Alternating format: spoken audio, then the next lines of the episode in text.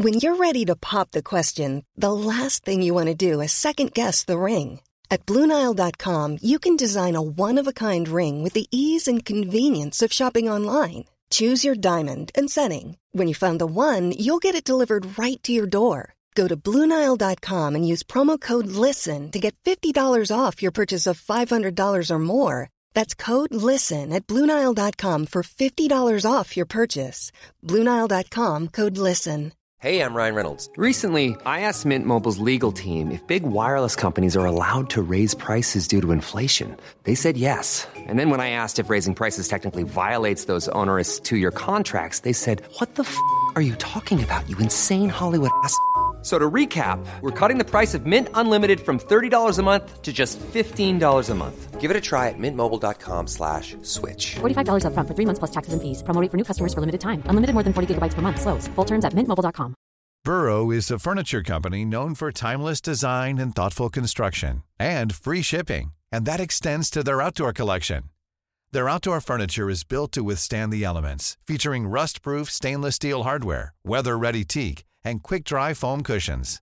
For Memorial Day, get 15% off your Burrow purchase at burrow.com slash ACAST and up to 25% off outdoor. That's up to 25% off outdoor furniture at burrow.com slash ACAST.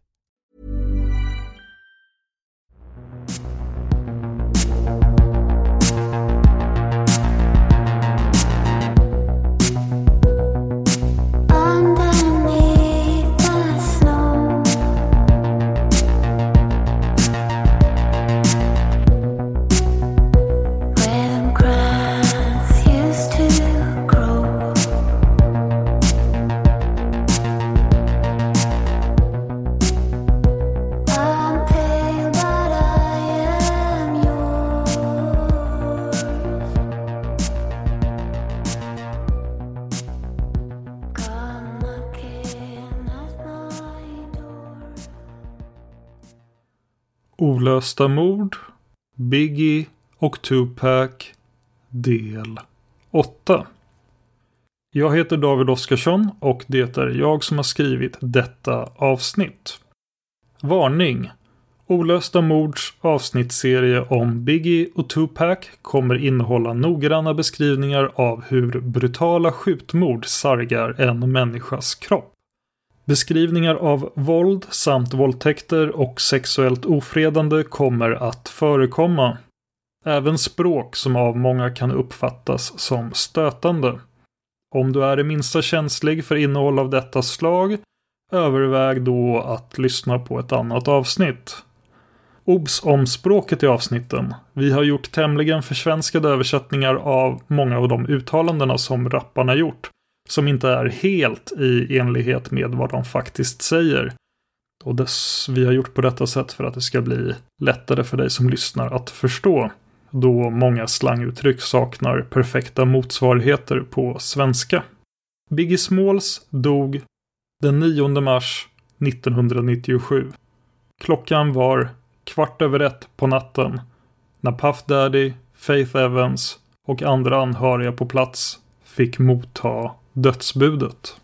Vi har inte hittat information om exakt vad som hände efter detta och huruvida det var innan eller efter obduktionen av kroppen som Biggies fru Faith Evans och hans mamma Boletta Wallace fick identifiera den. Anmärkningsvärt i fallet med Biggie är att protokollet för hans obduktion inte blev offentliggjort förrän i december 2012. Alltså över 15 år efter att mordet skett. Men det är alltså det faktiska obduktionsprotokollet som vi nu kommer använda oss av när vi berättar vad läkarna kom fram till. Biggie hade sitt smeknamn av en anledning och hade sedan barnsben dessutom kallats för Big. Det var inte bara att han var korpulent, särskilt vid tiden för sin död, men att han också var kraftigt byggd och hade en ansenlig kroppslängd. Vid sin död uppmättes den till 188 centimeter. Biggies vikt var 179 kilo. Mot slutet av sitt liv hade Biggie lagt på sig mer och mer. Något man kan spekulera i är att han blev mer stillasittande efter att ha skadat benet i bilolyckan med Little Seas. Men det finns också källor som säger att hans nyvunna ekonomiska framgångar gjort att han inte bara börjat äta dyrare utan även mer. Biggies kropp hade träffats av fyra stycken kulor, varav endast en hade varit dödlig. Det första skottet som avlossats mot honom hade tagit i hans vänstra överarm och kulan hade sedan vandrat ned mot och stannat i hans vrist. Den andra kulan träffade Biggie i ryggen men missade samtliga vitala organ och åkte istället ut ur hans vänstra axel. Den tredje kulan träffade honom i den yttre delen av hans vänstra lår och gick ut genom motsatt sida. På vägen snuddade kulan vid Biggies pung och skapade ett mindre sår på den. Att kulor går ut genom kroppen, alltså lämnar den, är ofta något positivt så tillvida att kulan inte slitit sönder viktiga organ på vägen. Det minskar nämligen risken för infektion. Men detta är förstås förutsatt att kulan går igenom några av kroppens extremiteter som armarna eller benen. Går kulan igenom ett viktigt organ i bålen eller rätt genom hjärnan i huvudet är det såklart fortfarande extremt allvarligt. Den fjärde kulan skulle visa sig vara den dödliga. Den gick in i Biggies högra höft och perforerade hans tjocktarm, lever, hjärta och den övre delen av hans vänstra lunga. Samtliga fyra kulor hade passerat genom bildörren innan de träffat Biggies kropp. Något som är intressant med obduktionsprotokollet är att det innehåller en liten kort anteckning som lyder på följande vis. Den döde kan vara en rappare. Life is full of what ifs. Some awesome, like what if AI could fold your laundry? And some, well, less awesome, like what if you have unexpected medical costs? United Healthcare can help get you covered with Health Protector Guard fixed indemnity insurance plans. They supplement your primary plan to help you manage out of pocket costs. No deductibles, no enrollment periods, and especially no more what ifs. Visit uh1.com to find the Health Protector Guard plan for you. There's never been a faster or easier way to start your weight loss journey than with PlushCare. PlushCare accepts most insurance plans and gives you online access to board-certified physicians who can prescribe FDA-approved weight loss medications like Wigovi and Zepbound for those who qualify. Take charge of your health and speak with a board-certified physician about a weight loss plan that's right for you. Get started today at plushcare.com slash weight loss. That's plushcare.com slash weight loss. plushcare.com slash weight loss. Hiring for your small business? If you're not looking for professionals on LinkedIn, you're looking in the wrong place. That's like looking for your car keys in a fish tank. LinkedIn helps you hire professionals you can't find anywhere else, even those who aren't actively searching for a new job but might be open to the perfect role. In a given month, over 70% of LinkedIn users don't even visit other leading job sites. So start looking in the right place. With LinkedIn, you can hire professionals like a professional. Post your free job on linkedin.com slash people today. Det här pekar sannolikt på att de läkare som hade hand om kroppen inte visste vem Biggie var, men hade mottagit viss information från Puff Daddy och de andra när de kom till akuten med honom. Till skillnad från i Tupacs fall blev Biggies begravning en enorm tillställning. Hans kista kördes i en bilkaravan genom de Brooklyn-kvarter som han själv växte upp i. Människor samlades på gatorna och spelade Biggies musik. Folk stod och tittade ut genom sina fönster. Det rådde inga tvivel om att det var en kvarterets stolthet som gått ur tiden. Tillika en hyllad världsartist. Själva begravningen skedde på Frank E. Campbell Funeral Chapel på Manhattan och datumet var den 18 mars. Begravningen hade cirka 350 besökare och några av de mest kända var Queen Latifah, Jay-Z, Mary J. Blige, Run DMC, Busta Rhymes, Salt and Peppa och förstås flera från Bad Boy-gänget, Lil Cis, Faith Evans, Lil Kim, Puff Daddy och många, många andra.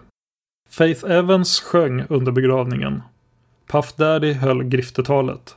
Han sade då bland annat Big fick mig att känna som att jag kunde ta över världen.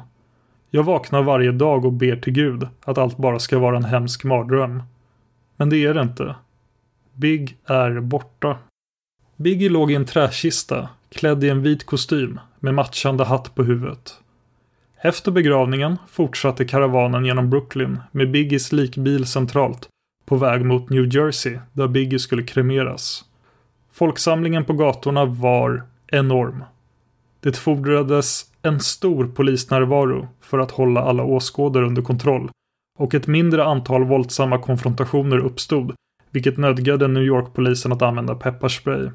Det går att söka på Rare Unique Video of the Notorious Big Funeral 1997 på Youtube för att få se mycket fascinerande rörliga bilder av kaoset som uppstod. Bara en vecka efter begravningen släpptes Biggies andra album. Den idag klassiska dubbel-CDn Life After Death. Omslaget visar hur Biggie, klädd i hatt och rock, står lutad med ryggen mot den bakre delen av just en likbil. I bakrutan syns de klassiska gardinerna som allt som oftast signalerar att det är ett fordon av det slaget. På bakluckan under rutan står albumtiteln skriven Life After Death. Bilens registreringsskylt har bokstäverna BIG och under dem står det HERS som är det engelska ordet för just likbil. Ironin i det hela är nästan ofattbar. Men allt detta kreativa skapande hade skett innan Biggie mördades. Nu var det dock svårt att hålla isär den mörka tematiken från den faktiska, verkliga händelsen. Fotografen som tog alla bilder av Biggie till A Life After Death som togs på kyrkogården Cypress Hills Cemetery i Brooklyn, Michael Lavin, har sagt följande om saken till Andscape.com. Så nu är det alltså citat fotografen Michael Lavin. Det var chockerande, helt befängt. Hur tar man ens in något sånt? Man är helt hjälplös. Men det är en av de sakerna som är så speciella med bilderna. Det förändrade dynamiken rätt radikalt. Du har ett foto av en man på en kyrkogård som sedan dog våldsamt några veckor senare. Det gör bilden mer emotionell. Det är inte bara ett foto. Vad är namnet på skivan liksom? Life after death. Det är galet. Slutcitat. Det profetiska med tematiken går dock inte att utesluta.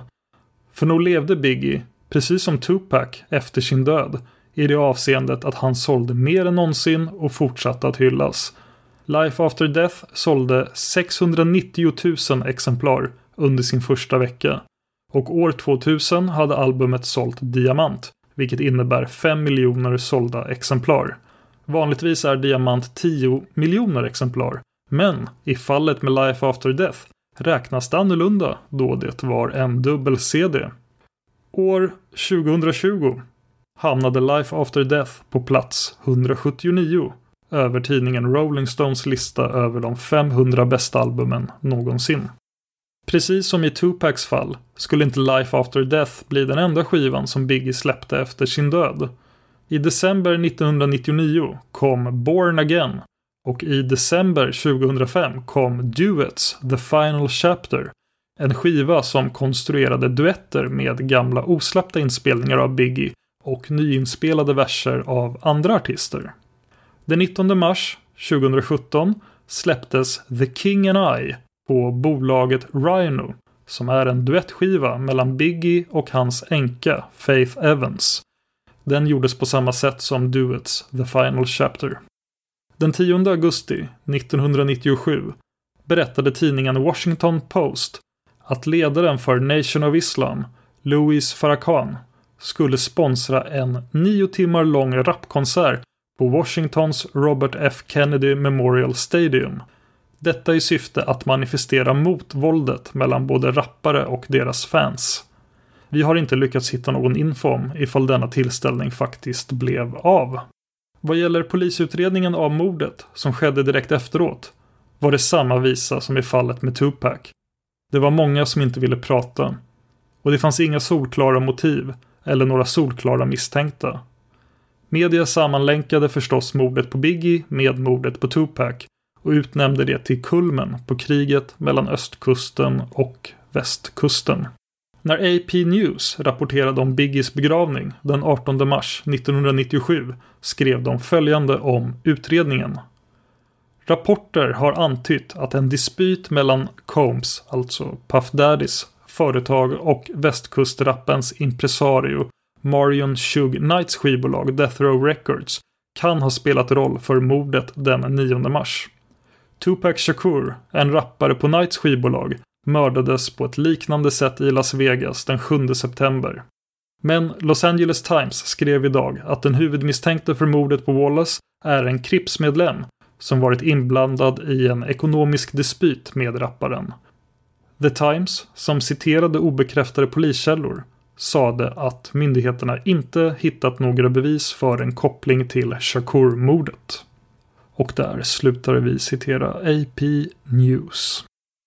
Nättidningen Slate.com publicerade den 14 februari 2020 en mycket talande sammanfattning av hur utredningen såg ut när det begav sig. Så nu är det citat Slate.com. Dagarna efter mordet på Biggie i Los Angeles hörde polisen alla tänkbara personer med minsta lilla koppling till fallet. Poliserna pratade med Sean Puffy Combs. De pratade också med busschauffören vars rutt innefattade platsen för skjutningen och även receptionisterna på de hotell där Biggie hade bott i LA. De flög med helikopter över sydcentrala LA för att spana efter den svarta Impala som hade använts vid skjutningen. De gick igenom inspelningar från övervakningskamerorna på sjukhuset där Biggie blev dödförklarad. Men det var lönlöst. Fallet hade redan kallnat. Slutcitat Slate.com Nu var både Tupac Shakur och Biggie Smalls, även känd som The Notorious B.I.G., döda. Båda fallen är än idag officiellt olösta. Och det är förstås anledningen till att vi tagit upp dem här i Olösta mord. Men huruvida man vet vilka som faktiskt tog superstjärnornas liv och varför, det råder det olika åsikter om.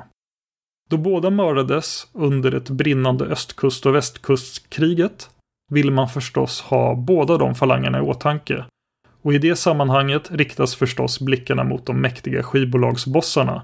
Shug Knight i väst för Death Row Records och Puff Daddy i öst för Bad Boy Records. Men som vi flera gånger fått anledning att nämna spelade ju konflikten mellan Bloods och Crips också en roll för dramat mellan öst och väst. Trots att Bloods Crips-fejden primärt är lokaliserad i väst och egentligen är en helt egen konflikt.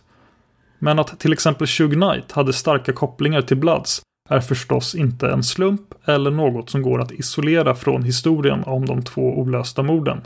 Det blir naturligt att de olika gängens intressen också kommer in i bilden. Man kan dela in försöken att lösa morden på Tupac och Biggie i två olika spår. Det blir inte helt olikt Palmemordet. Särskilt inte sedan ett av dessa spår med fog skulle kunna kallas för polisspåret. Vi kommer dock referera till just detta spår som Russell Pool-spåret eller bara Pool-spåret. Det andra spåret kommer vi referera till som Cading-spåret Spåren står i konflikt med varandra. Och vi har döpt dem efter de poliser som både officiellt och inofficiellt faktiskt har arbetat med morden på Biggie och Tupac. Både Russell Poole och Greg Kading är Los Angeles poliser, LAPD. Poole dog den 19 augusti 2015. Han var 58 år gammal. Greg Kading är idag, när detta avsnitt skrivs i oktober 2022, 59 år gammal. Innan vi redogör för de här två spåren ska vi ta upp en extremt vanlig spekulation kring mordet på Tupac som rent av var populär redan under tiden mellan mordet på honom och Biggie. Den, alltså spekulationen, ingår dessutom i ett av spåren. Spekulationen är den att det skulle vara Shug Knight, Tupacs egen skivbolagsboss som bestämt sig för att mörda sin egen bästsäljande artist. Hi, this is Craig Robinson from Ways to Win, and support for this podcast comes from Invesco QQQ. The official ETF of the NCAA. Invesco QQQ is proud to sponsor this episode and even prouder to provide access to innovation for the last 25 years. Basketball has had innovations over the years too. We're seeing the game played in new ways every day. Learn more at Invesco.com slash QQQ. Let's rethink possibility. Invesco Distributors, Inc. Hey, it's Paige DeSorbo from Giggly Squad. High quality fashion without the price tag. Say hello to Quince. I'm snagging high-end essentials like cozy cashmere sweaters, sleek leather jackets, fine jewelry, and so much more. With Quince being 50 to 80% less than similar brands.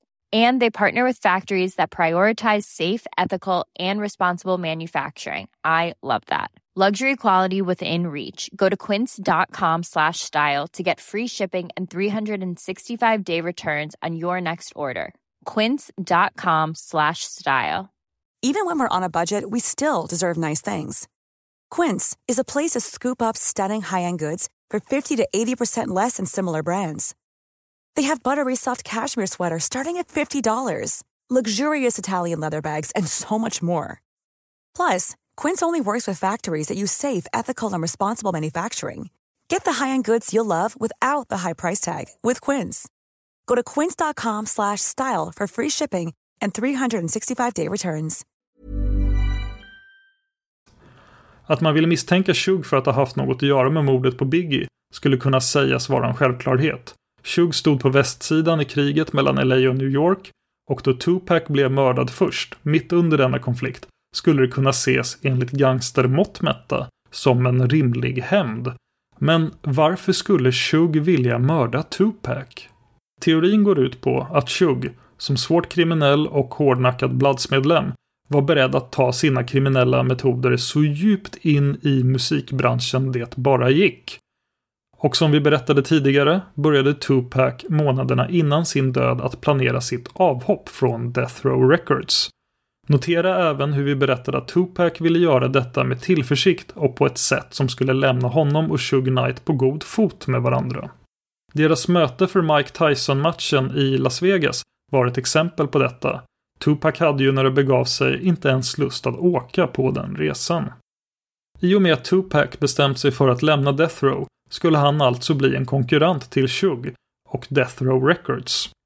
Om Shug tidigare använt sig av våldsamma metoder för Death Rows räkning, som när han konfronterade Rob Van Winkle, även känd som Vanilla Ice, varför skulle han inte kunna göra det igen?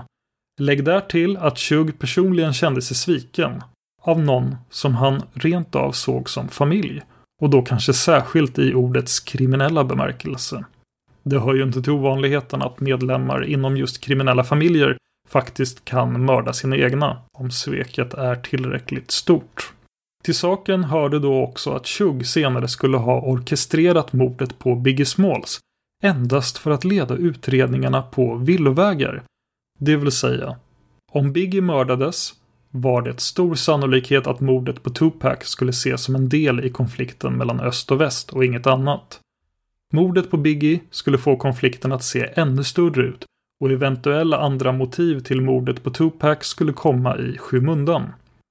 Men även om denna teori åtnjutit en viss popularitet finns det många frågor man måste ställa sig. Om Shug nu skulle vara den skyldige.